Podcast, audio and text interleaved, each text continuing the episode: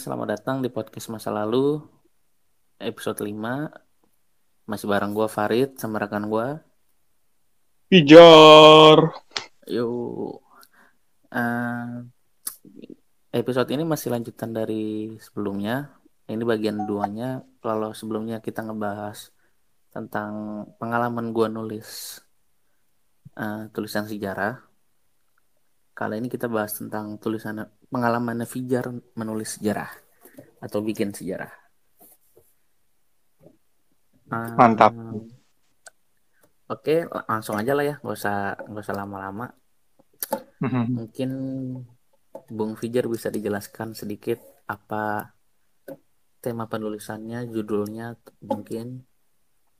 Silakan. Oke, okay, um, judul penelitian gue untuk skripsi itu tentang politik di Sumatera Utara. Oke. Okay. Jadi uh, yang gue perhatiin dari sejarah Indonesia itu tuh kita cuma bahas masalah revolusi 45 sampai 50 terus sama zamannya Bung Karno aja dari 59 hmm. sampai 65 Nah, terus dari lima dari 65 ke Orde Baru itu juga banyak. Nah, ada babakan sejarah yang menurut gue rada rada masih apa ya, masih abu-abu gitu. Bukan abu-abu sih, kayak masih blank gitu. Ada masih masih masih apa ya? Masih lahan subur lah gitu. Nah, itu periode Buat tahun 50-an Indonesia. Mm, Indonesia tahun 50-an. Itulah kenapa gue milih kayaknya tahun 50-an masa demokrasi liberal ini masa di mana Indonesia coba-coba tentang sistem pemerintahan gitu setelah dapat kedaulatan dari uh, Belanda kan dilepas penuhnya. Nah ini yep. di era coba-coba ini kalau menurut gue ini bakal menjadi suatu kajian yang menarik sebenarnya. Jadi coba deh gue turun ke sini. Gue baca-baca buku uh, referensi tentang tahun 1950-an itu dan uh, ternyata sebenarnya cukup banyak tapi sifatnya nasional, Rit. Jadi kayak okay. itu tentang pemerintahan Indonesia dari misalnya Herbert Frick pernah nulis The Decline of Constitutional Democracy of Indonesia itu dari tahun eh dari RIS dari zaman RIS berarti 49 Desember lah. Desember bulan uh, tahun 49 terus sampai 57 dia batasinnya sampai konsepsi apa sampai konsepsi presiden di situ. Nah, terus uh, ada juga tulisan-tulisan tentang perpolitikan di sana eh, per apa perpartai politikan. Kepartaian di sana juga ada tulisannya. Eh, kemiliteran juga ada tulisannya. Nah, tapi yang secara politik lokal ini masih sebenarnya masih cukup eh, cukup apa ya belum cukup apa ya cukup sepi lah untuk membahas politik lokal. Paling yang ada di fokus di Jawa. Terus gue mikir kenapa gue nggak bahas coba untuk uh, membahas Sumatera Utara? Nah kebetulan seperti yang udah kemarin gue bahas Anthony Red ini uh, rada ada ada ada gap kosong antara di tulisannya. Jadi dari tahun 1950 sampai dengan tahun hmm. 1970 apa 60-an lah. Itu Anthony Red rada, rada kosong. Ah, rada rada dilompatin. Nah, itu mungkin lagu bisa Bismillahirrahmanirrahim. Bas, udah gue masuk di sana. Nah, itulah kenapa alasannya gue milih Sumatera Utara sama tahun 50-an. Gitu. Jadi ya seputar seputar seputar itulah seputar politik daerah pada masa demokrasi liberal itu. Itu sih. Kenapa Sumatera Utara, Jar? Kenapa Sumatera Utara? Ya, uh, mungkin kan Sumatera kan ada banyak tuh. Hmm, ya. Kalau menurut gue, kenapa Sumatera Utara? Ini yang yang ini sih yang yang gue perhatiin ya gue kan yeah. baca buku-buku baca buku Anthony Red juga. Terus dia tuh ada ada kutipan menarik dari dia. Lu kalau mau lihat Indonesia jangan lihat Jawa jangan lihat uh, apa namanya jangan lihat Jakarta aja. Lu coba lihat sekali lu liatin Medan deh. Medan itu semua suku ada pak. Lu lihat lihat di Medan. Di Medan tuh ada orang Tionghoa ada orang India ada orang Arab orang Melayu orang Batak orang Jawa yang imigran dari apa masa politik etis tuh imigran kerja di sana. Terus di sana juga ada orang Malaysia juga Melayu sana. Terus uh, Melayu jiran ya, bukan Melayu bukan Melayu kita. Terus ada orang Aceh juga di sana di Medan juga, ada orang Eropa juga di Medan. Jadi kayak ini ini kota yang sangat kosmopolitan pada saat itu. Dan nggak mungkin nggak ada suatu kekuatan politik yang di sana.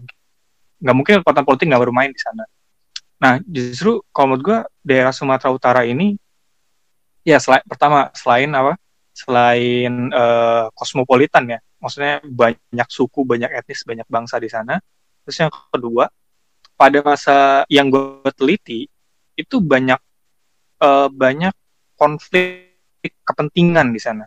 Banyak konflik yang uh, mempertemukan eh, apa ya, membenturkan dua dua apa namanya? dua dua apa ya? In, konflik interest gitu. Apa sih namanya? Dua eh, sikap, dua sikap gitu. Ah, konflik interest, dua dua kepentingan, dua sikap gitu. Yang selalu pertentangan pasti di se, pasti ininya apa namanya? pasti latar belakangnya itu Sumatera Utara. Itulah yang nanti nanti dibahas di skripsi gua. Jadi kayak pertama kosmopolitan, kedua konflik yang banyak ada di Sumatera Utara. Terus yang ketiga hmm. ya paling uh, terkait sama uh, apa namanya sisi rasa ingin tahuan gua tentang apa namanya tentang daerah Sumatera Utara itu sendiri gitu. Dan uh, dan ya udah gue coba cari tahu cukup banyak di sana. Jadi kayak oh gue baru tahu daerah-daerah uh, apa namanya daerah sini daerah sini terus ternyata oh ada tokoh-tokoh ini gue gue banyak ketemu tokoh-tokoh yang apa namanya tokoh-tokoh yang uh, baru gue hmm, bukan bukan bukan bukan gitu sih kayak tokoh-tokoh yang sebenarnya gue tahu tapi ternyata dia misalnya dulu waktu hmm. nyalon di apa nyalon di pemilu 55 nyalonnya dari daerah Sumatera Utara gitu loh. Jadi kayak hmm. oh ternyata dia nyalon dari Sumatera Utara. Salah satu calon legislasi dari Sumatera Utara kayak gitu. Jadi kayak hmm, ternyata dia nyalon di sini nyalon di sini. Sebelum ternyata masuk ada beberapa ke gelanggang nasional. Hmm, sebelum gelanggang nasional. Jadi kayak mereka memulai diri mereka tuh dari uh, apa namanya dari Sumatera, Sumatera Utara. Utara. Itu sih. Uh, yang itu oke okay. ya itu uh, uh-huh. kenapa bukan bukan penting atau enggak pasti penting karena akhirnya ditulis uh,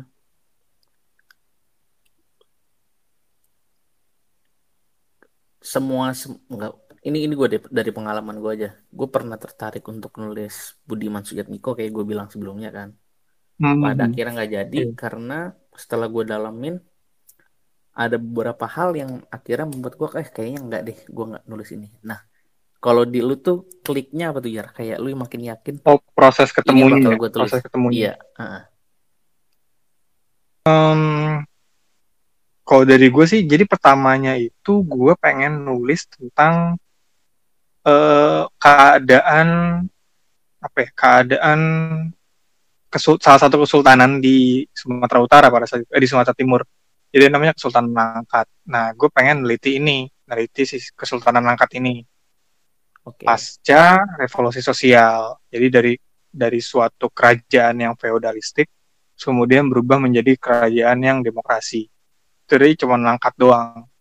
Tapi sumbernya gue malah susah. Karena kebanyakan sumber itu selalu uh, menyebutkan Sumatera Utara, Sumatera Timur, terus uh, Tapanuli, Aceh gitu. Jadi kayak langsung mereka nggak ada yang spesifik membahas tentang satu aja, misalnya kerajaan Langkat atau apa gitu. Dan surat kabar, surat kabar dan sumber-sumber juga mengarahkan gue kepada penelitian tentang Sumatera Utara jadi uh, apa yang mengarahkan gue untuk meneliti Sumatera Utara mungkin lebih ke sana sih ke, ke kesediaan sumber.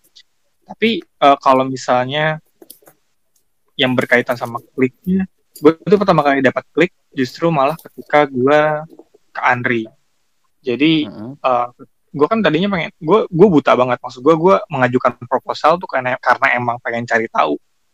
Uh, dosen gue eh, apa Pak Har aja Pak Harya Pak Haryono itu sekretaris jurusan itu bilang ini uh, saya masih belum bisa nangkep arah kamu ke mana tapi ya hmm. semoga aja eh, dosen pembimbing kamu bisa tuh kan nah terus uh, ya udah disetujuin suruh nyari sumber.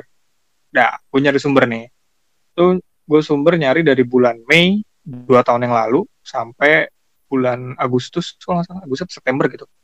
Gue di Hmm. gue di Jakarta nah sepanjang perjalanan itu gue semakin kuat gitu loh jadi kayak nemuin buku ini, eh, nemuin bukti ini oh iya ini bisa dibahas. Oh ini bisa dibahas. Oh ini bisa dibahas gitu.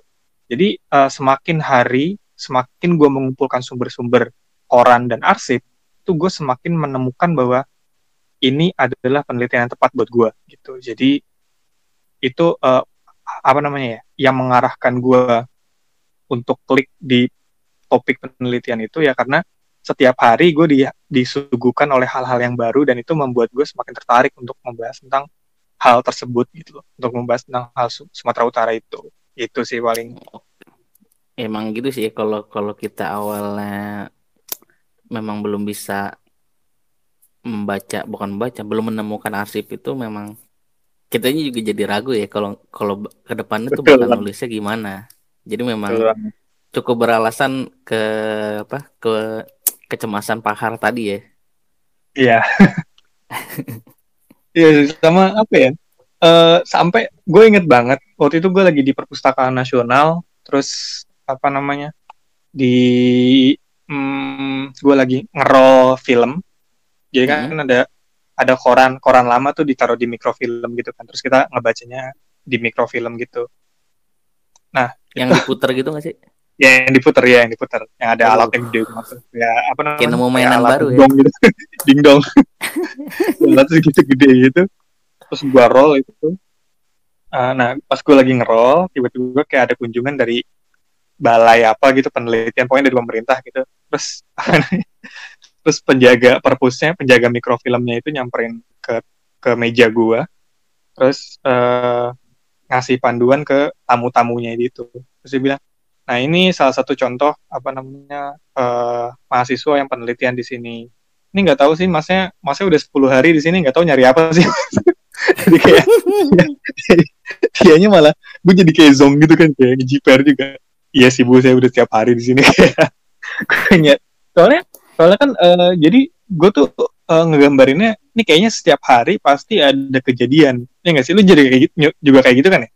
Maksud gue Iya. tiap hari uh, kayak tiap hari tuh gue harus update perkembangannya. Dan itu gue ngecek di tiga tiga sampai empat koran gue gue cek.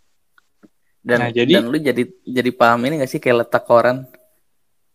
Iya tahun itu betul maksudnya kan kayak kayak kalau berita tentang ini udah pasti di halaman yang ini bagian ini kolom segini gitu. betul.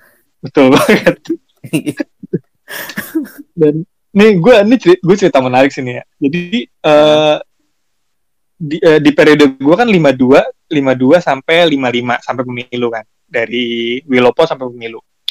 Nah itu ada tahun tahun 1953 di antaranya di dalam situ. Nah tahun 1953 itu koran hampir semua koran itu apa namanya ya eh banyak peristiwa-peristiwa dunia yang penting di sana. Ada pelantikan Eisenhower apa pelantikan apa gitu gue lupa. Presiden Amerika Hmm. Serikat di tahun itu. Kemudian ada Stalin meninggal di sana tahun 53 Ratu Elizabeth dilantik pada saat itu. Indonesia ada beberapa kerusuhan di perebutan tanah. Terus juga ada beberapa ah, ada Betul, pergantian itu. menteri di Indonesia kayak gitu. Dan maksud gue jadi kayak, kayak rame gitu dan mungkin pada saat eh, pada saat itu berita gue banyak yang kegeser karena berita gue kan berita lokal kan bukan berita internasional Iya. bukan berita internasional jadi kayak ini kayaknya Sama jadi satu berita hari tuh nasional aja kegeser ya. Heeh, kayak gitu. Jadi gue pernah satu koran itu koran Merdeka kalau saya itu ngebahas Stalin semua satu itu. Wah, ya ini pasti nggak ada nih sumber gue. Ini gue nggak tahu lagi. Jadi tahun 1953 tuh eh, walaupun banyak sumber gue eh, ditemukan di sana tapi ya banyak yang banyak ke skip gara-gara konflik apa gara-gara eh, kejadian atau politik internasional gitu. Menarik banget sih. Keren. Tahun 53 tuh pengalaman banget. Bro. berarti lu pas lagi di arsip Andi Andri itu dari bulan Mei sampai Agustus tadi lu bilang ya? Hmm, kalau di Andri Ah, itu gue Tiap hari tuh. tiap hari tiap hari gue ke Andri Gokil. itu kok Rumah di mana itu rumah di Tangerang Andri di mana Jar? di pasar Minggu Waktu Tangerang pasar Minggu tuh naik kereta dua kali transit kayaknya Oh. jadi gue udah naik kereta lumayan tuh iya bolak balik sih yang, berapa arsip? kalau untuk di arsip nasional itu gua dapat yang udah gua kumpulin tuh ada sekitar 230 lembar. Ya, lembar. 30 lembar. Iya. Satu lembarnya berapa jar? Satu lembarnya 1500 kalau nggak salah. Iya, 1500 ya. 1500. Ah, So, itu baru Ya, antri doang ya. Itu baru, Itu baru antri, antri. doang ya. Iya. Selain dari antri lu ke mana aja? Da- eh, dari Andri tadi kan gua ke mana? Perpustakaan Nasional. Gua Ah. nyari eh, koran di mikrofilm. Itu lebih Oh, lebih gila lagi harganya tuh. mahal banget kan tuh perpusnas. Iya, untuk satu halaman. Jadi kan kita misalnya ada berita ini nih, ada berita satu gitu kan. Itu beritanya kecil berapa baris doang gitu kan. Dihitungnya Tapi satu halaman. kita- Jatuhnya satu halaman dan satu halaman itu dua setengah pak. Dan 2500 satu dan ntar gue lihat gue masih ada nih masih ada ini. Ntar harian abadi gue tujuh tujuh lembar. Oh merdeka banyak 43 Merdeka 43 halaman. Tegas 37 halaman. Berapa tuh udah?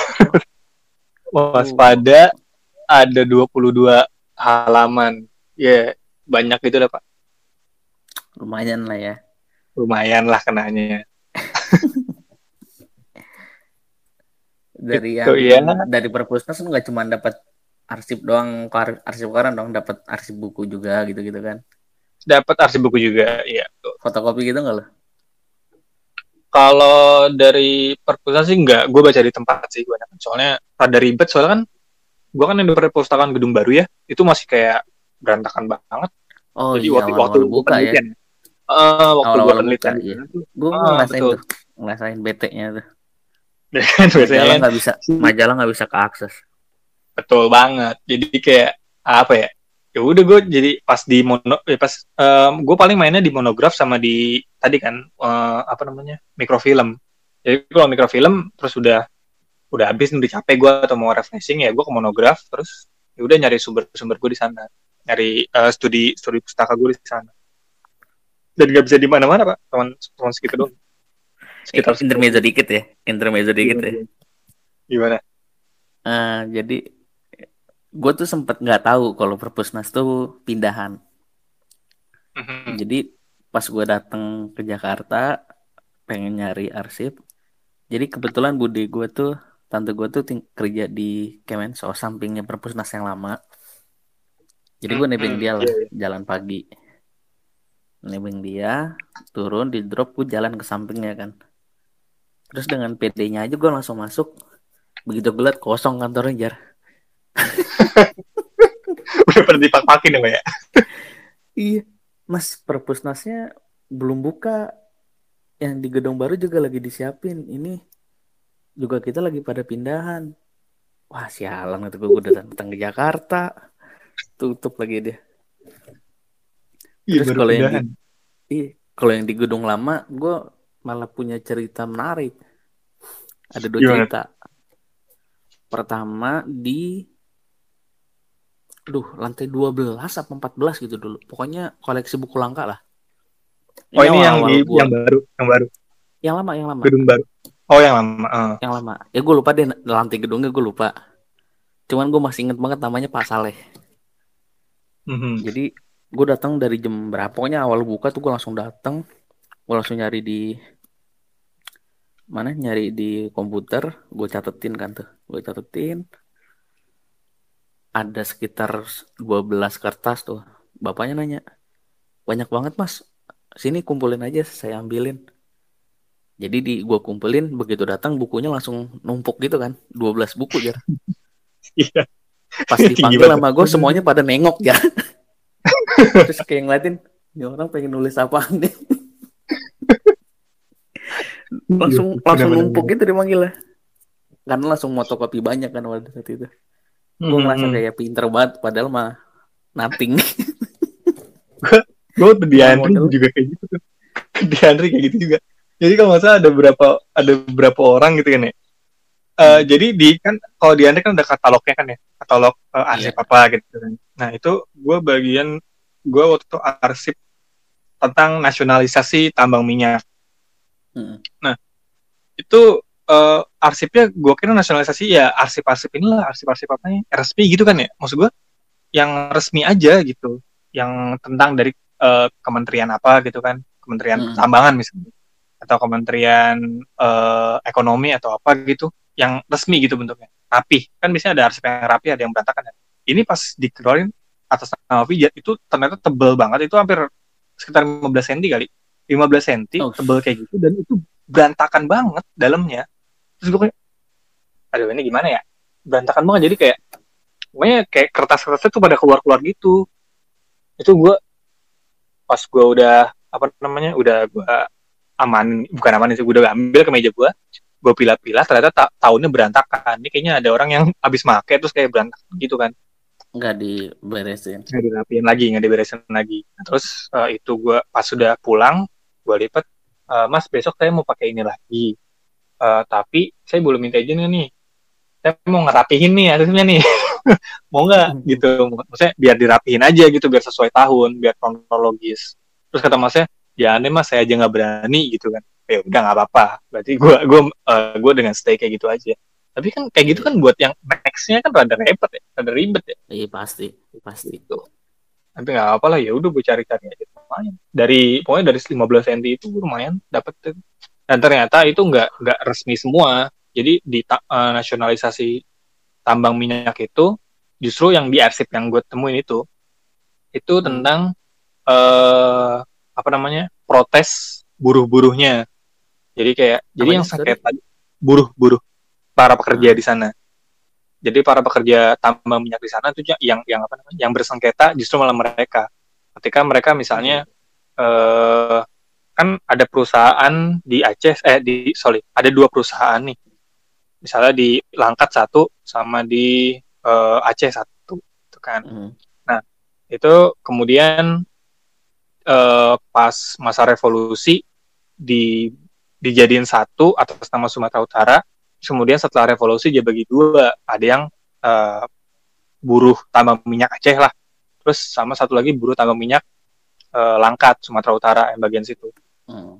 Nah, terus pas dinasionalisasi, dua-duanya jadi satu lagi, tapi para buruhnya nih kayak gak mau nyatu lagi gitu karena udah beda persepsi dari awal. Dan itu ya udah jadi gue justru malah banyak banyak dialognya. Gue tahu di gimana pattern nasionalisasi itu punya trouble-nya di mana itu gue malah taunya di situ. Jadi surat-surat yang di sana adalah surat-surat protes kebanyakan. Surat-surat protes dari nasionalis uh, dari buruh-buruh di tambang minyak itu. Dan itu sumber primer yang apa ya kaya banget kalau menurut gue mantep sekali itu. Karena masuknya kan ke persepsi personal ya. Kayak bukan personal juga sih. Maksudnya persepsi paling kelompok paling uh, apa namanya paling kecil lah gitu. Utama. Yeah. kelompok utama gitu kan. Kelompok utama. Selain daripada uh, tokoh nasional apa kepentingan nasional politik apa segala macam tapi ini lebih ke personal si burunya dan itu berharga banget buat gue dan itu menggambarkan itu uh, menggambarkan konflik yang terjadi di Sumatera Utara dan bagaimana partai-partai politik itu memanfaatkan konflik tersebut untuk mendulang suara di uh, pemilu. pemilu 55 nanti gitu. itu yang gue lihat patternnya.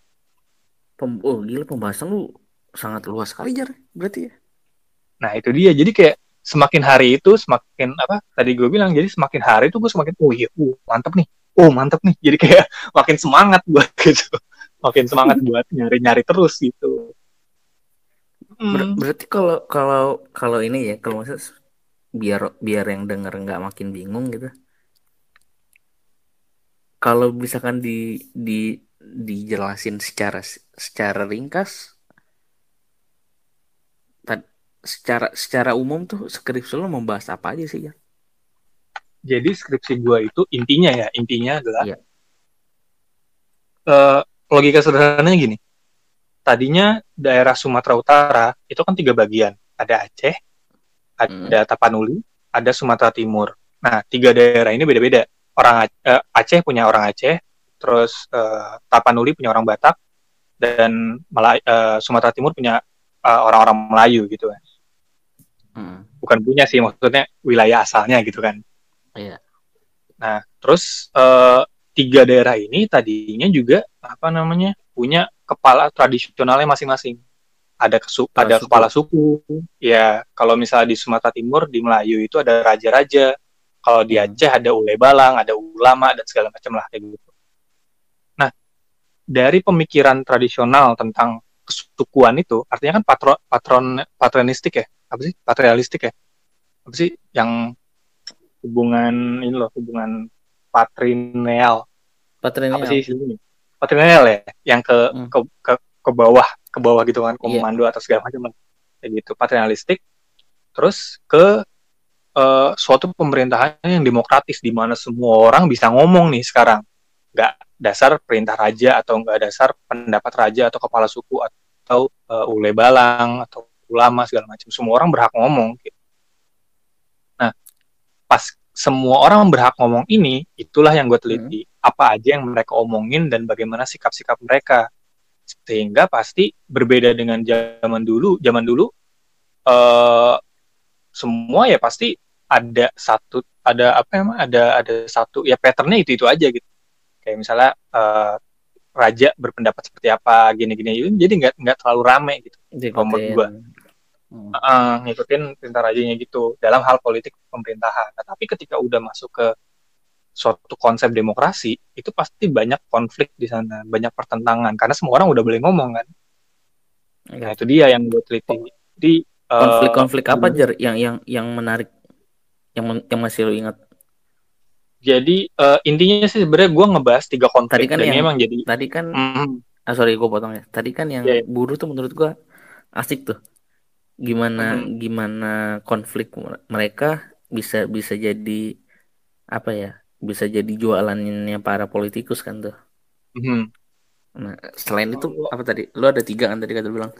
ada tiga. Jadi gue itu ada yang pertama itu konflik tanah. Jadi, Oh. nah ini seru juga nih. Jadi konflik tanah di Sumatera Utara itu waktu zaman Belanda itu kan ada namanya liberalisasi ekonomi kan. Yep. Semua apa namanya? Semua investasi bisa masuk di sana. Ya udah, tanah yang ada di Sumatera Timur, tanah ada yang ada di mana? Di pes- pokoknya daerah Sumatera lah segitu. Nah, itu jadi punya peng- para pengusaha-pengusaha ini. Mereka jadi tuan tanah tuan tanah gitu dengan bekerja sama dengan apa namanya para raja di sana, para sultan di sana. Nah, terus kemudian pas zaman Jepang eh, para investor ini, para pemilik kebun ini pada kabur sana ke Singapura. Eh, bukan ke Singapura, ke Australia apa ke mana gitu, lupa. Ke Thailand Karena gitu. nggak ada jaminan keamanan ya. Karena nggak ada jaminan keamanan, karena karena lagi perang juga dan segala macam. Nah, Yap. karena Jepang pengen fokus ke perang dan mereka nggak mereka mas masa bodoh dengan apa namanya eh ekonomi pangan segala macam kesejahteraan mereka nggak mikirin itu. Ya udah para buruh-buruh yang tadinya kerja di perkebunan itu dikasih kebun di sana disuruh tanemin pa- tanam pangan. Jadi mereka udah makan urusin makan sendiri gitu. Sedangkan ada beberapa yang disuruh kerja kayak misalnya di pertambangan dan segala macam. Karet kan juga ada komoditas gitu. Jadi itu lahan itu tuh banyak tuh dari pokoknya dari dari ujung Sumatera, gitu ya. Kopi, pokoknya beras juga, terus ubi, kentang kayak gitu-gitu deh. Hmm. Tanamin tuh di sana. Nah, terus kemudian singkat cerita Indonesia merdeka, ya kan.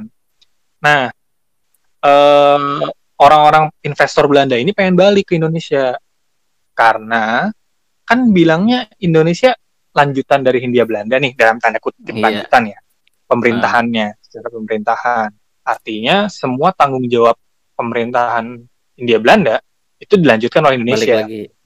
balik lagi gitu kalau misalnya Hmm. eh, pemerintah Hindia Belanda punya kontrak sama peng- pengusaha ini kontrak pengolahan lahan misalnya ya Indonesia harus lanjutin dong nggak bisa main cut gitu aja orang Hmm. apa namanya kontrak kan ya nah ya udah tuh akhirnya eh para pengusaha ini hubungin apa namanya kementerian Duh, gue lupa namanya Kementerian Dalam Negeri waktu itu diurus sama Kementerian Dalam Negeri Muhammad Rum Oke. itu dari Partai Masyumi Bro. Muhammad Rum ini bikin suatu kebijakan eh bikin apa namanya eh satu kebijakan lah gitu di mana Hmm.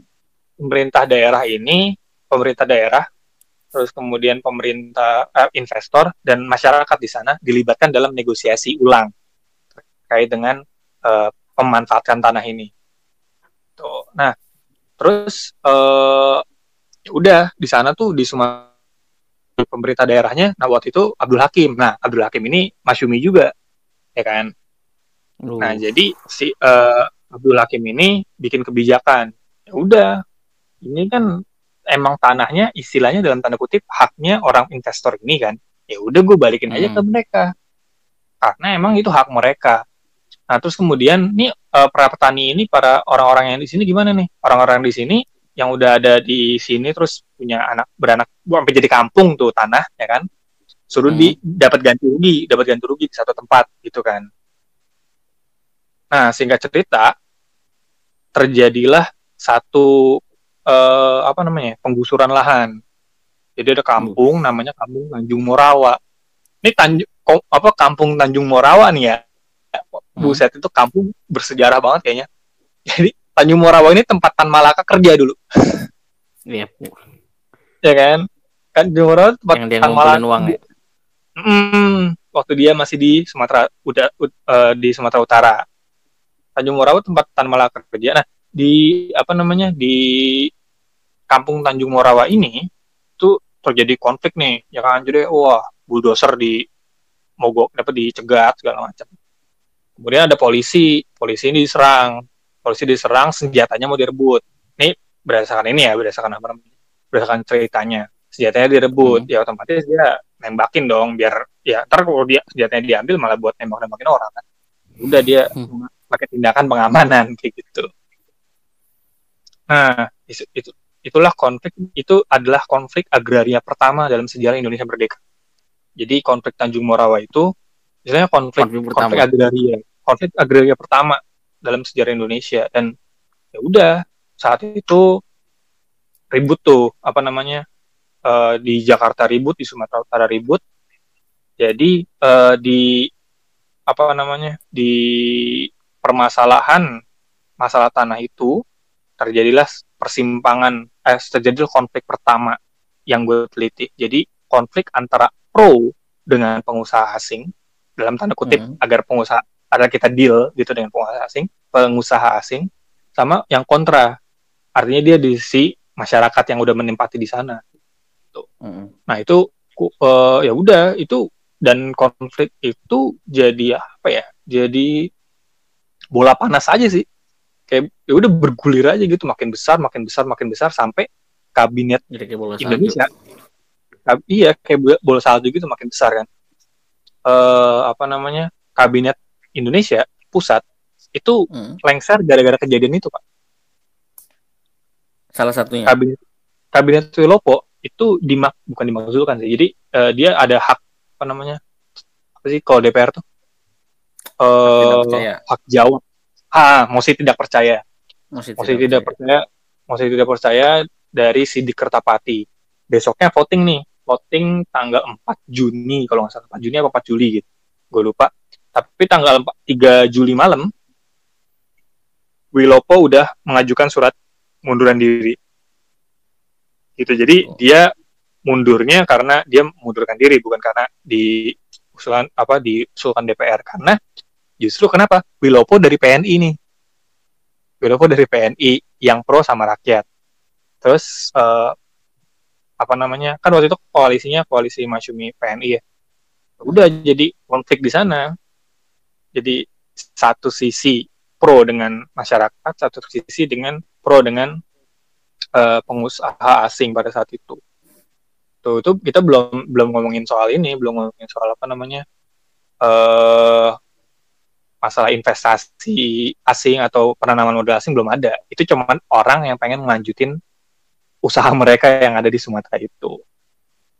Itu sih itu konflik pertama dan, dan konflik yang pun bukan cuman orang-orang Belanda kan, maksudnya ada banyak orang Indonesia, banyak orang ya banyak orang pribumi, banyak mm orang Tionghoa gitu-gitu juga kan. Termasuk, termasuk sultan-sultan apa namanya? Termasuk sultan-sultan Sumatera Timur juga punya hak atas tanah tersebut gitu gitu sih dan argumentasi kenapa uh, Masyumi itu kekeh pengen itu dikelola oleh orang-orang asing itu karena orang sekarang bayangin aja kalau misalnya dulu uh, yang kerja sama itu adalah Belanda, orang asing sama raja. Raja apa namanya? Raja Melayunya. Ya kan? Itu keuntungan 30% itu eh 30 sampai 40 40% itu diambil sama uh, kerajaan Melayu. Ya kan? Terus hmm. uh, 3 eh, 30 eh 40% itu untuk kas negara kalau nggak salah. Nih, nanti gue coba buka buku lagi deh. Pokoknya itu kan isinya ibaratnya ini, itu bagi tiga lah satu poin Melayu uh, untuk Raja Melayu, satu untuk uh, pemerintah kolonial, yang sepertiga untuk apa namanya untuk pengusaha Belandanya bagi tiga gitu. Sekarang Raja Melayunya udah nggak ada, pemerintah Hindia Belanda nggak ada. Jadi itu hampir dua per tiga itu bisa diambil ke nasional. Dan itu bisa menguntungkan kas kita pada saat itu. Itulah kenapa Mas Yumi pengen, ingin kita uh, balikin aja ke mereka karena kalau misalnya di diserahin ke masyarakat, masyarakatnya emang kenyang tapi negaranya nggak punya pendapatan jadinya. Tuh. Oke. Itu yang ya, yang itu yang ya, yang gue sih. Ya, tapi kan selalu selalu begitu kan cara cara pikir cara pikir gampang pemerintahan ya, kan. Cara pikir teoritis ya. Eh, dan, dan dan hal itu kan juga kejadian sampai sekarang gitu. Oke, kita skip aja. Oke, skip aja. Ini podcast ya baru lima episode. Ah, dulu. Itu tadi berarti Tapi, konflik hmm, lahan ya tadi. Berarti. Konflik lahan, konflik lahan itu bisa dibaca-baca lagi deh. Ada beberapa buku yang udah ngebahas konflik lahan itu. Ada Karl J. Pelzer. Pelzer itu uh itu dia tentang konflik lahan pure dari mulai sebelum merdeka sampai setelah merdeka. Karl Pelzer namanya yang nerbitin enggak yang nerbitin tuh apa sih namanya pustaka Gramedia tapi tahun 70-an eh tahun 80-an uh. Nice. uh, Carl J. Pelzer itu judulnya Tuan Kebun dan Petani itu dari okay. dari pokoknya dari sebelum merdeka sampai merdeka sampai setelah merdeka juga gue uh, banyak ngutip apa uh, banyak banyak beberapa sumber-sumber yang gue nggak temuin gue ngutipnya dari KJ Pelzer ini banyak dapat insight dari situ lalu ya Hmm. Wah, itu ini banget Keren banget tuh orang. Nah, terus kemudian konflik yang kedua itu konflik apa namanya? Konflik militer di Aceh. DTI Aceh, Dotber eh. Kan. Nah, Dotber ini ya udah, jadi antara ada orang yang pro terhadap hmm. uh, ag, apa namanya? Apa namanya? Pro terhadap perjuangan Daud Bereh di sana ada yang netral dalam tanda kutip netral dengan mereka pengen pakai pengen pakai pendekatan non militer ada yang pengen pakai apa namanya eh, kekerasan udah jalan militer aja segala macam kayak gitu maju aja terus militer dan segala macam nah ini sumber-sumbernya juga menarik kalau menurut gue jadi sumber-sumbernya itu gue dapet dari eh, komunike radio harian jadi ada kayak ada satu pejabat apa namanya pejabat radio apa namanya radio militer. Terus hmm. dia mencat ya udah dia mencatatkan pada saat itu dia dapat kabar apa kabar apa dari Belanda eh, dari Jakarta dan dia mengabarkan apa ke Jakarta kayak gitu. Jadi kayak dia catat terus. Itu itu cukup disiplin itunya pengarsipannya dan gue banyak dapat laporan dari sana kapan si apa namanya kapan gubernur datang ke markas militernya terus kapan kodam dat eh kodam apa sih namanya kasat kasat datang ke sana kayak gitu hmm. deh kapan pokoknya uh, ada tuh ininya ada apa namanya? Ada arsipannya catatannya catatannya lu dapat arsipnya dari Andre? Andre dari Andre. Wih, nah, terus uh, itu kan kalau dari negaranya ya ini salah satu ke apa namanya salah satu kritik dari dosen penguji juga sih. Karena gue kan hmm. nggak ke mana gue nggak ke Sumateranya. Jadi pada saat itu gue mengandalkan arsip-arsip yang ada di tempat gue saja nah, di Jakarta. Gitu. Nah uh, ya udah di arsip yang gue temuin itu banyak cerita tentang uh, laporan masyarakat Aceh masyarakat sipil Aceh yang terlibat secara langsung. Eh yang apa namanya yang terkena dampak secara langsung. Jadi itu ada sekitar berapa ya? Ada sekitar 50 uh, 30 halaman. 3 30 sampai 50 halaman itu ngebahas tentang bagaimana perasaan mereka sebagai masyarakat sipil menyaksikan uh, perang. konflik tersebut konflik tersebut gitu menyaksikan perang tersebut. Ya mereka nggak tahu apa-apa. Tiba-tiba disuruh ngaku dipaksa kamu ngasih ini ya kamu ngasih ini ya. Dan kalau misalnya nih mereka lagi nyantai gitu kan ya. Lagi nyantai dalam rumah tiba-tiba ada kaum pemberontaknya datang nih DTI-nya datang. Mintain apa namanya mintain uh, sumber daya kayak misal mintain beras mintain air mintain apa. Hmm. kalau enggak ya mereka dianggap sebagai orang nasional ya kan? Tapi ini tapi ini kan dari dari dari dari apa arsipnya militer kan? Enggak ini dari arsip ini dari arsip uh, jadi ada orang ada orang yang menuliskan menuliskan tersebut terus kirim ke mana? Kirim ke Kementerian Dalam Negeri kong. Oh ngirim surat. itu, itu hmm, ngirim surat. ceritanya. Uh, ceritanya ngirim surat. Jadi uh, itu benar-benar perasaan mereka gitu. Kalau menurut gue dan ini primer. Jadi ketika gerombolan uh, ketika pasukan DITI datang mereka dipalakin mereka ngasih supaya nyawa mereka selamat. Nah terus habis itu militer Indonesia datang nanyain kamu tadi ngapain uh, apa namanya ngasih apa aja mereka? Ngasih ini ngasih ini ngasih ini. Dihabisin mereka. Jadi kayak ya mereka tuh nggak tahu apa-apa loh. Mereka cuma takut di satu sisi tapi di sisi lain juga mereka diserang gitu. Jadi kayak oh ya kayak bakal bakal habis. Dalam konflik tersebut tuh bakal habis. Dan ini aduh. Ini gue sedih sih jadinya. Jadi uh, hmm. ada satu surat ini membuat gue apa ya namanya uh, iba banget. Dan ini gue pas baca ini gemeteran banget. Jadi uh, apa namanya di surat itu disebutkan bahwa dalam tradisi Aceh tradisi budaya masyarakat Aceh rumah semua rumah ya namanya rumah tanah segala macam itu ditulis dan dicatatkan atas nama perempuan atas nama pihak perempuan jadi suami istri hmm. itu atas nama istrinya bukan atas nama laki-lakinya karena ketika hmm. misalnya laki-lakinya kalah dalam perang biar kan Aceh punya tradisi perang hmm. ya tradisi yang banyak gitu hmm. uh, biar kalau misalnya laki-lakinya jihad terus hilang perang ya udah itu rumah bisa dilanjutin sama istrinya kan emang punya istrinya gitu. Hmm. Nah masalahnya itu kalau misalnya ada satu kampung, ada satu orang aja, atau kampung itu pernah disinggahi sama gerombolan DTI, itu sama TNI dibakar, Pak. Satu kampung, satu rumah, itu satu rumah, satu kampung maunya berapa rumah itu. Dan ya udah, itu faktanya kita di mana apa namanya? Ya udah itu dibakarin rumahnya. Terus mereka ya gimana mau mau bangunnya gimana lagi? Padahal rumah itu punya istilahnya punya istrinya. Uh, kaum perempuan punya istrinya yeah. gitu. Kalau misalnya suatu hari misalnya suaminya meninggal atau suaminya sakit atau apa, ya mereka mau tinggal di mana lagi gelandangan lagi.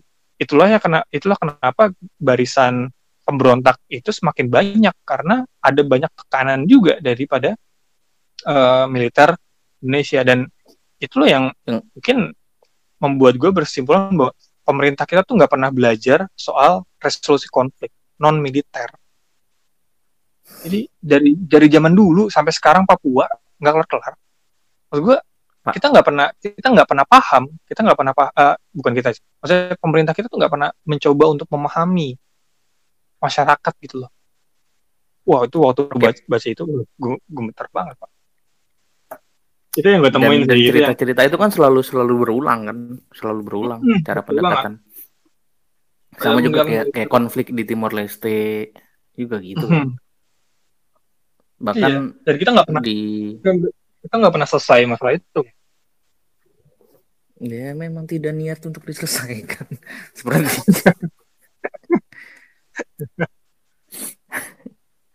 tapi tapi uh, itu sih. Jadi gua yang gue lihat pada saat itu adalah ya udah ketika ada saat uh, perasaan masyarakatnya kan yang yang istilahnya ini mau pemilu nih kita mau pemilu nih. Ya udah lu uh, dihadapkan oleh emosi pada saat itu. Bukan bukan rasional lagi. Jadi ketika untuk kasus konflik Aceh ya itu pemilunya pure tentang emosi tentang penarikan simpati. Ya semua juga gitu sih. Jadi penarikan simpati itu di masyarakat sipil itu kencang banget. Makanya di Aceh itu yang menang Masyumi. Di Sumatera Utara hmm. seluruhnya Masyumi yang menang. Kecuali di mana? Di Tapanuli itu Parkindo. Tapanuli. Hmm, Perindo Parkindo Partai Kristen Indonesia. Ah itu yang kedua tuh berarti ya konflik yang kedua kan? Ah eh, konflik ya itu konflik kedua terus sama ya konflik yang ketiga tadi yang itu yang tambang minyak oh yang buruh tadi ya Hmm, yang buruh bukan ya buruh juga nah terus Eh, ada satu tadi itu. Hmm, ada itunya ada salah satunya tentang konflik buruh itu. Terus ada konflik di tam- masih di tambang minyak ya itu soal nasionalisasi. Jadi eh, paradigmanya sama, paradigmanya antara negara bekerja sama dengan pengusaha, investor atau negara pure me- me- apa, Ambil menjalankan roda menjalankan menjalankan apa Roda namanya? perusahaan. pengusaha roda perusahaan dengan modal seadanya, dengan modal negara seadanya. Dan itu ganti-ganti kepala tambang minyak tuh, ganti-ganti ganti terus kan. Sebenarnya kasus tambang minyak ini nggak selesai, nggak selesai. Jadi nggak selesainya pada masa gua. Selesainya nanti pada tahun 56 sampai 57 lah. 56 57 itu baru selesai. berarti cuma nyampe sampai ke pemilu aja kan? Iya, gue sampai sama pemilu doang. Jadi tambang tambang minyak ini nanti baru kelar tahun 56 57 ketika nasionalisasi besar-besaran. Ketika emang semua banyak semuanya dinasionalisasi kan zaman apa tuh zaman eh, zaman Bung Karno apa zaman Juanda gitu gue lupa. Ya, Pokoknya dinasionalisasi gitu-gitu semua. muncul kan? Pertamina, iya. Ya itu Ibnu Sutowo kan pertama kali eh, apa namanya menjabat ketua pertama Pertamina kalau nggak salah ya. Oh, Iya, itu. Kayak eh, selesainya nanti, selesainya selesainya 57 56 itu bukan di tahun periode gua. Tapi poinnya adalah konfliknya kan pada masa konflik gua, maksudnya pada zaman gua kan. Jadi intinya Iya. ada tiga konflik besar itu. Yang menurut gua bukan hanya berlatar di Sumatera Utara, tapi itu juga mempengaruhi suara politik di Sumatera Utara. Gimana masyarakat itu ya udah jadi kayak terbelah gitu, bukan terbelah sih. Jadi, jadi masyarakat punya sikap-sikap yang sendiri demo di mana-mana. Ternyata Menurut lu, ya, menurut lu dengan dengan dengan dengan Indonesia kontemporer beberapa tahun belakang mirip-mirip gak? mirip-mirip pak. Nih, Mirip-mirip ya? ini kita ini aja ya. Kita, eh, kita buka-bukaan aja nih. Di Iya. arsip tahun 9 eh tahun 1909 eh sorry, tahun 1954. Itu yang namanya umat Islam itu demo mulu kerjanya, Pak. Jadi Sampai jilid-jilid. ya? pernah berjilid-jilid. Jadi pernah eh, itu pertama kali karena kasus apa ya? Kayaknya kasus sih. Oh, pertama kali aksi itu justru tahun 1953 kalau nggak salah. Pertama kali aksi. Jadi kalau kemarin kan kasus Ahok ya, Mm. Yep. kasus Ahok kan, Ahok kepleset kan ngomongnya. Mm. Tahun Nggak 1953 kepleset sih. bulan- iya, iya, Pokoknya gitu dah. Oh, iya. Nah, tahun lima, tahun 53, tahun i- eh, iya tahun 53 itu Bung Karno Pak yang kepleset ngomong Pak. Oh iya, dia ngomong apa? Jadi waktu itu di dia lagi safari pol- bukan safari politik sih.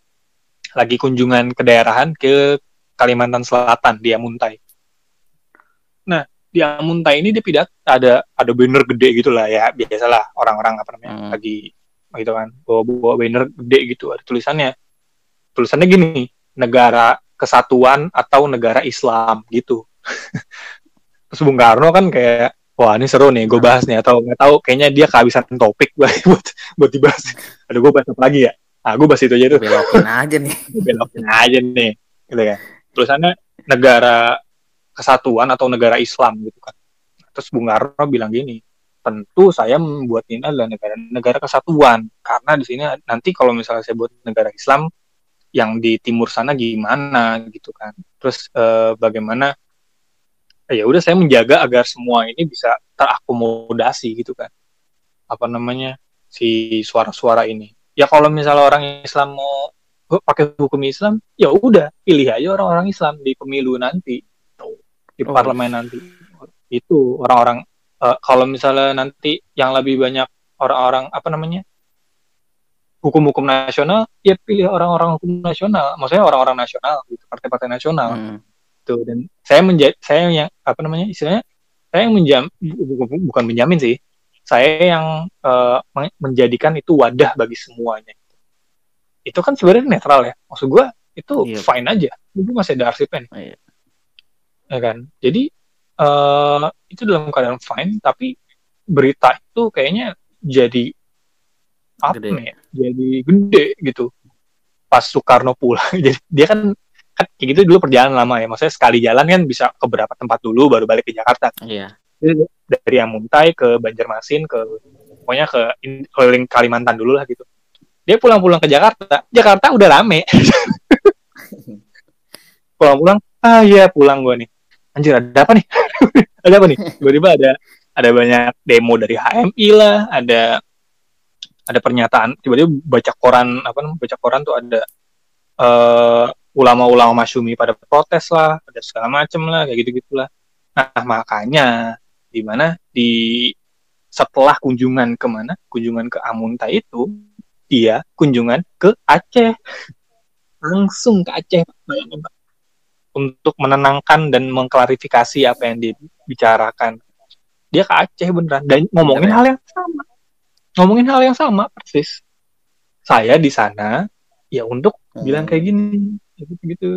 Kebetulan waktu itu di eh, apa namanya di Sumatera Utara lagi kejadian banjir. Nah itu gue jadi apa namanya gue jadi prolog gitu. Jadi kayak tahun 1953 itu terjadi banjir bandang. Jadi hujan lama tuh hujan sekitar empat harian itu banjir. Di perbatasan apa namanya perbatasan eh pokoknya di Aceh di kawasan Aceh ya itu banjir. Terus koran-koran tuh pada galang dana partai-partai galang dana. Soekarno-nya ke sana juga atas selain untuk tujuan politik dia itu juga untuk nyalurin bantuan. Bandungan itu. uh, kunjungannya ke sana. Udah tapi ya justru itu dari pidato tersebut lah dari pidato tersebut lah seolah-olah bener-bener Islam dan negara itu misah banget. Dan itu jadi dan itu jadi apa ya ini eh namanya itu ada jadi dosen penguji gue bilang gini "Eh, emang gara-gara Soekarno ngomong kayak gitu bisa jadi apa namanya berdampak ke nasional? Oh ya berdampak bu. Kayak PHD Ahok kemarin Gua bilang gitu kan. Maksud gua, itu kan- itu kan menunjukkan bahwa politik kita tuh kayak in one snap gitu loh. Ya nggak sih? Iya. in one snap itu bisa nunjukin semua hal gitu. Dan pidato Ya, dan- Soekarno dan- itu yang Hmm, gimana? Kalau kalau Soekarno yang ngomong sih gue masih masih masih masuk di akal sehat gue gitu. Maksudnya jadi Hmm. presiden wajar itu jadi jadi mengacaukan konsentrasi politik nasional gitu. Ini Hmm. ketika orang Jakarta yang ribut kenapa semuanya jadi menyebar itu yang jadi harus jadi masalah. Iya sih. Itu di situ jadi ya. Bener juga. Soalnya Jangan kan, jangan kan ya tadi. Yang gue juga ribut, Tangerang aja ribut pak. ya Tangerang kan deket pak. Ini gue ini gue true story ya. Aha. Ini true story. Itu tuh kan masa masanya kita mulai nulis ya. Gue gue udah mulai nulis Mhm. waktu itu kalau nggak salah. Jadi di Betul, salah satu lawatan gue ke Jakarta, gue kan naik kereta. Di dalam kereta itu gue nyew, gue baru pesan tiket itu hamin 12 jam malam sebelum berangkat lah. Itu kosong ya. Begitu gue berangkat isinya sih polisi semua bray. polisi sama beberapa orang yang Polisi pengen semua? berangkat. Iya sama beberapa orang yang pengen berangkat demo. Kebayang gak lo? Se Semengerikan apa gitu maksudnya? Eh, orang yang tadi ngeribut-ribut di Jakarta bisa jadi nyebar gitu. Makanya. Kalau sok kalau Ahok aja bisa kayak gitu, iya Soekarno lebih lebih masuk akal menurut gue ya. Iya. Iya kan? Ya, ya oke lanjut kita bahas lagi. Balik lagi. Menarik sini pembahasan kali ini, Jar. Ya gitu sih. Jadi kayak Ah, eh, lanjut, lanjut. pokoknya titik awal skrip eh, bukan titik awal sih. Kalau menurut gue konflik eh yang ujungnya nanti di kon- tiga konflik itu ya gue menceritakan bahwa momentumnya adalah ketika Soekarno bilang kayak gitu. Tapi itu yang masih bisa itu debatable sih maksud gue. Eh dosen-dosen penguji juga bilang kayak gitu itu masih debatable antara itu beneran maksudnya bukan beneran kejadian ya tapi apakah itu Hmm. memicu beneran tentang apa uh, memicu segede itu apa enggak? segede itu dampaknya atau gimana?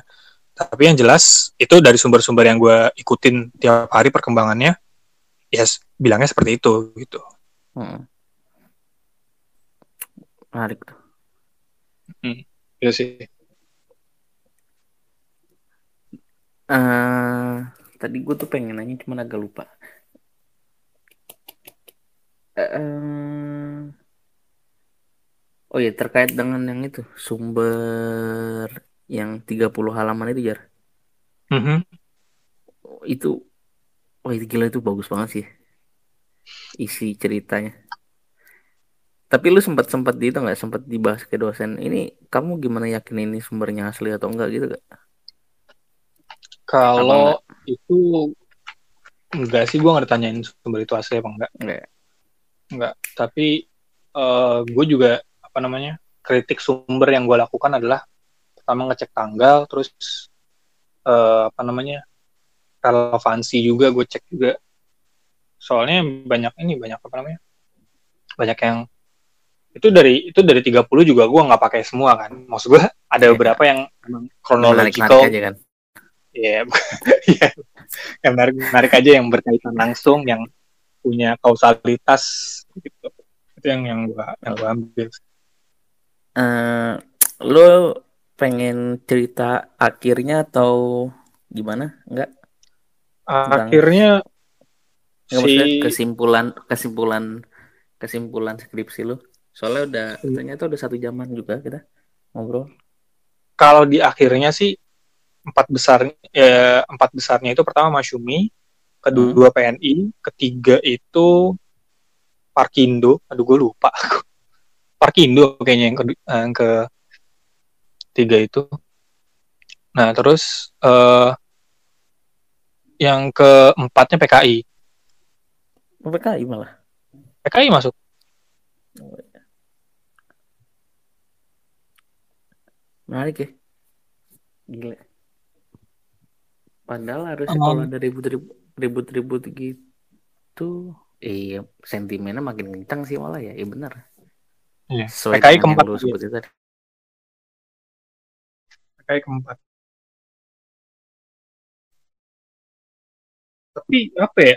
Uh, yang gue lihat sih sebenarnya hmm, ini kritik buat apa namanya kritik dari dosen ke penelitian gue dan gue setuju ya itu adalah ketika gue gue tidak bisa menggambarkan secara utuh dari sudut pandang masyarakat. Halo. Tes tes. Halo tes. Ya, lu tadi ngomong. Hmm, jadi uh, skripsi gue tuh tidak bisa menggambarkan secara utuh dari sudut pandang masyarakat. Gue hanya melihat dari sudut pandang istilahnya sudut pandangnya itu dari fakta-fakta eh dari sumber-sumber apa namanya sumber-sumber dalam tanda kutip sumber-sumber pusat nasional gitu. Even surat kabar kan juga ada itu bukan suatu gambaran masyarakat. Hmm, ya. untuk kepentingan. Jadi itu gua akui ya. Pada saat itu, itu oh iya.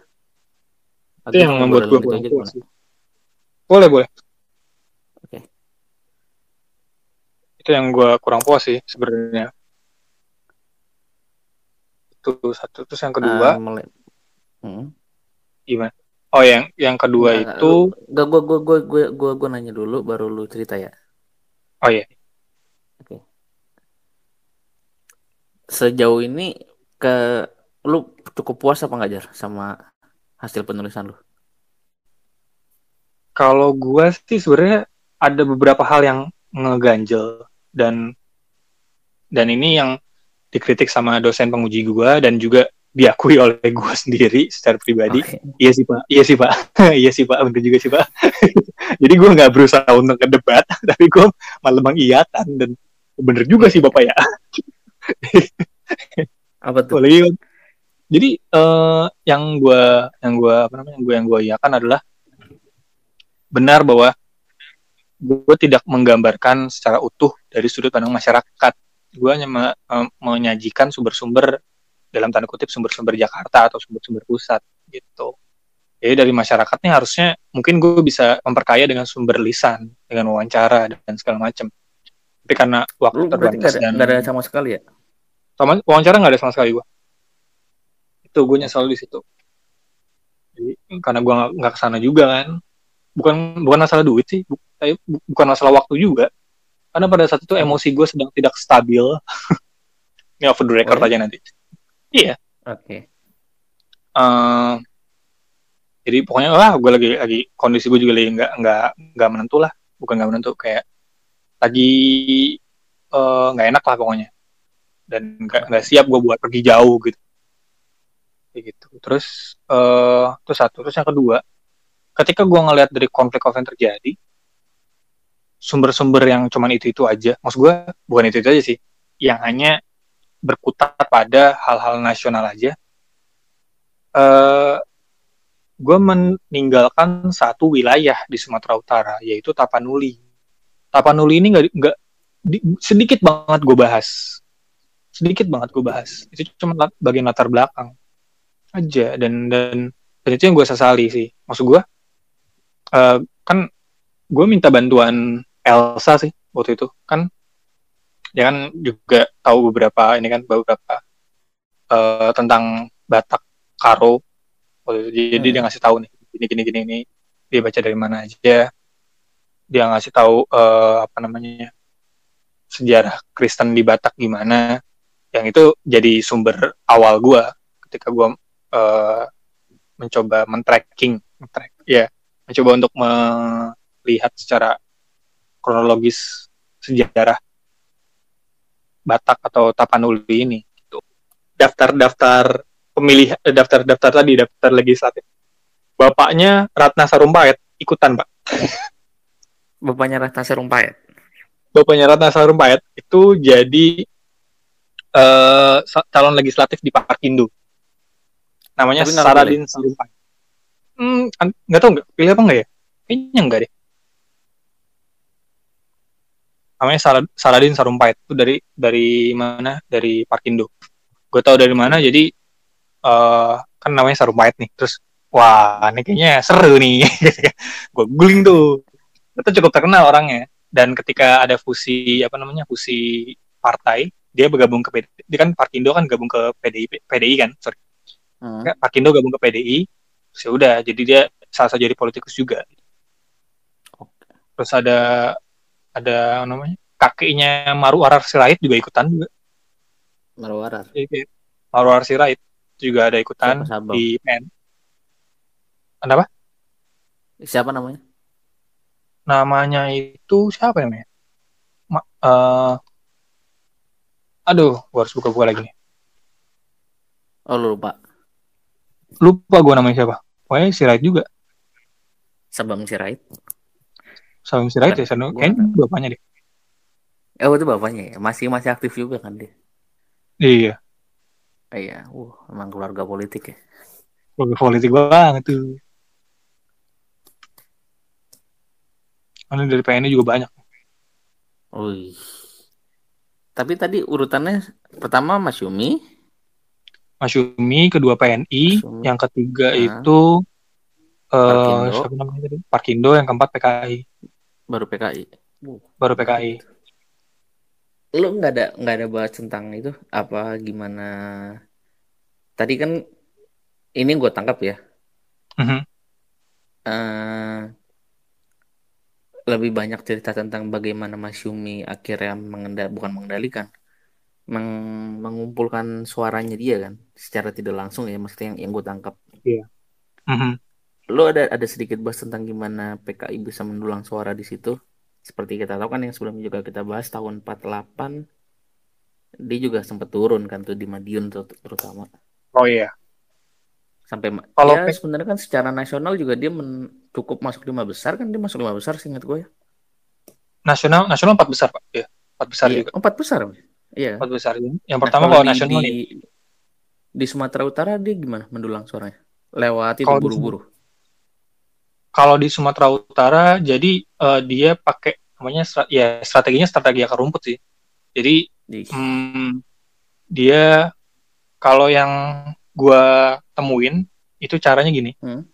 Jadi misalnya ada saat jadi kan orang Sumatera apa di di kawasan Sumatera Utara itu kan ada ini ada apa namanya? Ada kampung baru lah. Kampung baru tuh kampung relatif hmm. baru artinya di sana bukan isinya nggak pure orang Melayu artinya ada orang Hmm. pendatang juga ada ada etnis Jawa di sana ada etnis eh, apa namanya etnis etnis yang di luar Melayu gitu yang apa namanya yang makanya disebutnya kampung baru Hmm. Nah, itu yang dikunjungin sama mereka. Karena ketika mereka uh, kampanye di kampung lama, which is kampung Melayu, itu makanya bakal susah. basisnya ya? Nah, itu basisnya, basisnya uh, Iya. Masyumi di sana. Yang Udah lain akhirnya mereka kampanyenya di yang kampung masih relatif baru gitu. Terus yang kedua, mereka aktif di uh, organisasi buruhnya. Jadi organisasi-organisasi buruh uh, PKI itu benar-benar dilibatkan di beberapa industri, industri perkebunan, industri tadi ada konflik pertanian, mereka maju di sana. BTI juga maju. ya? Heeh, konflik-konflik agraria mereka banyak main di sana. Justru malah di konflik agraria itu kayaknya mereka rebutan suaranya sama PNI. Iya. Soalnya hampir-hampir hampir hampir keseluruhan dekat-dekat pemilu 55 itu memang konflik agraria selalu menempatkan mereka sih. Nah ini eh, salah satu contoh yang gue ambil nih ya. Ini interpretasi gue Hmm. ya. Kan tadi Hmm. yang masalah ketika konflik, ketika konflik apa namanya konflik lahan tadi Tanjung Morawa, itu kan ada tokoh yang mengajukan mosi tidak percaya, namanya Sidik Kertapati kan. Hmm. Makanya mosi tersebut dikenal dengan mosi Sidik Kertapati. Nah, Sidik Kertapati ini merupakan eh, anggota dari BTI, Barisan Tani Indonesia, kalau nggak salah. Uh. Nah, BTI ini akhirnya nanti gabung ke PKI dan di daftar suara eh daftar calon dari PKI nama Sidik Kertapati ada di sana. Ngerti kan maksud gue? Jadi kayak ya udah karena Iya, iya. nih gue dulu memperjuangkan lu di Jakarta untuk mengusir para kong, ah, kolaborator pengusaha. Nah, ini gue calon sekarang di sini nih gitu. Jadi kayak Lu pilih gue dong. ini salah satu pilih gue dong gitu. Jadi ya Iya. eh, apa namanya? Itu yang mungkin salah satu strategi politik juga dan itu bagus kalau menurut gue. Emang iya dan Mm, Memang. efektif juga kayaknya. sangat sangat Itu salah sangat menarik ya ngeliat ngeliat strategi-strategi zaman dulu gitu. Karena Betul karena banget. karena menariknya bagi gue mereka menyentuh ke akar ke akar rumputnya itu loh. Gimana cara Betul. mereka meyakinkan masa ya kita nggak kita nggak bisa tahu lah ya udah ada money politik atau belum pada masa itu Mhm. gitu. Tapi kan harusnya di di masa yang sekarang eh money politik itu yang harusnya nggak ada, tapi justru malah yang makin kencang gitu. Iya. Dan kita kehilangan kesempatan untuk apa ya keterikatan-keterikatan dengan calon yang kita pilih. Harusnya kita malah terikat sama mereka kan. Iya, betul banget. Iya, itu Terkesan. sih. Ya, mungkin mungkin ada benarnya juga ya kutukan bahwa orang Indonesia itu memang ya salah sa- bukan bukan orang Indonesia sih. Emang kitanya aja yang malas baca baca sejarah lagi. Iya sih. Tapi apa namanya? eh it- tapi banyak banyak banyak ini sih banyak hiburan juga gue selama ini selama penelitian ini loh. Jadi gue pernah kayak gini pak. Ya kan? Hah? Ada surat kabar surat kabar Aceh. Istilahnya surat kabar Aceh tuh surat kabar lokal Aceh gitu lah. Ya kan? Namanya surat kabar tegas. Hmm. Nah, surat kabar tegas ini itu yang jadi andalan gue lah untuk wilayah Aceh, untuk melihat perkembangan Aceh gimana, kan? Terus gue tahu nih tanggal pemberontakan Aceh itu 20 September 1953. Otomatis gue pas baca ini udah tanggal 28, 28 September, semakin semangat gue, wah bentar lagi nih, bentar lagi nih, bentar lagi pemberontakan. Eh, sorry, tanggal Bilang. 19 tuh gue, gue udah tanggal 18, 19 tuh gue udah, oh bentar lagi nih, bentar lagi pas tanggal 20 September tiba-tiba hilang surat kabarnya habis roll rollnya habis loh kok habis padahal itu yang gue tunggu-tunggu kan harusnya harusnya Iya. itu yang yang yang jadi berita gue kan Puncak. biar gue ngeliat Iya. perkembangannya gitu kan terus gue frustasi nih aduh gimana nih kok nggak ada ya beritanya Di- untuk perkembangan Aceh jadi rada berhenti itu di sana terus ya udah gue tanya ke mana ke apa namanya Petugas. apa namanya ke petugasnya. Pak ini tegas berhenti di sini pak. Iya sih pak saya lihat di katalognya juga nggak ada lagi. Oh ya udah pak nggak apa dah terus gue ini gue apa gue gue biarin tuh. Sebulan gue bulan udah selesai. Terus gue lagi rapi-rapin arsip. Gue baca arsip Intel arsip intelijen. Gue baca arsip intelijen itu tentang apa namanya uh, draft anggota DITI jadi itu ada menterinya tuh. Kayak misalnya Daud Bereh itu jadi presiden atau panglima atau khalifah atau gue nggak tahu deh segala macam. Hmm. paling atas. Terus ada kemen, ada menteri departemen apa gitu kan. Itu ada barisannya tuh. Tiba-tiba di situ ada satu bagan namanya menteri departemen penerangan. Namanya AG Mutiara. AG Mutiara.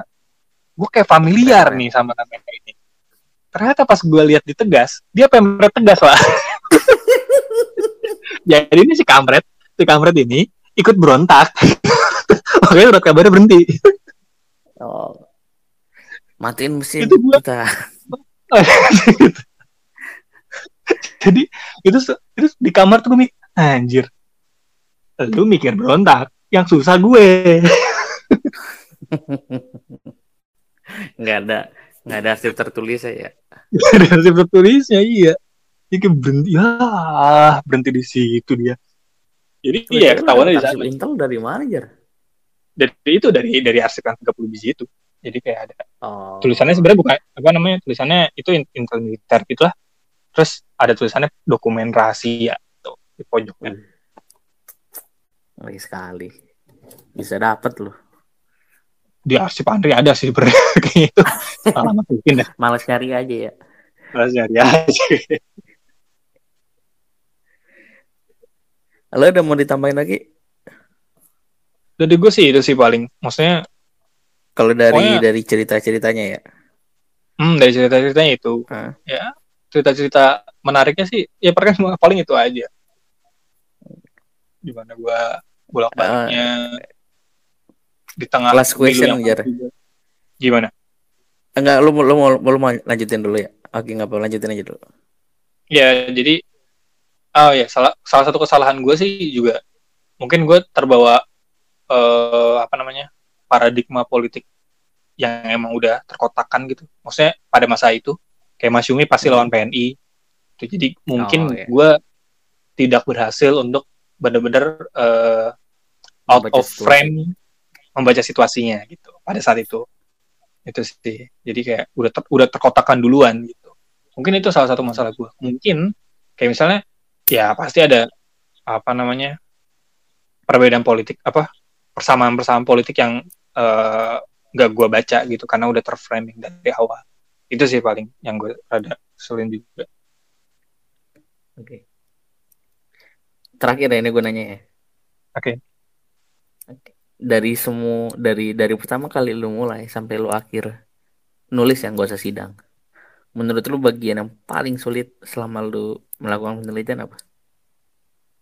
Bagian yang paling sulit ketika gue melakukan penelitian adalah bagian menyimpulkan atau apa menyimpulkan. namanya? Menyimpulkan. Jadi kalau di sejarah itu kan ada tahap uh, apa namanya? tahap analisis sama tahap sintesis hmm. kan. Tahap hmm. analisis tuh tahap kita bisa me, apa namanya? mengekstraksi si fakta itu kan. Kemudian hmm. saat sintesis itu kita menyatukan fakta-fakta tersebut.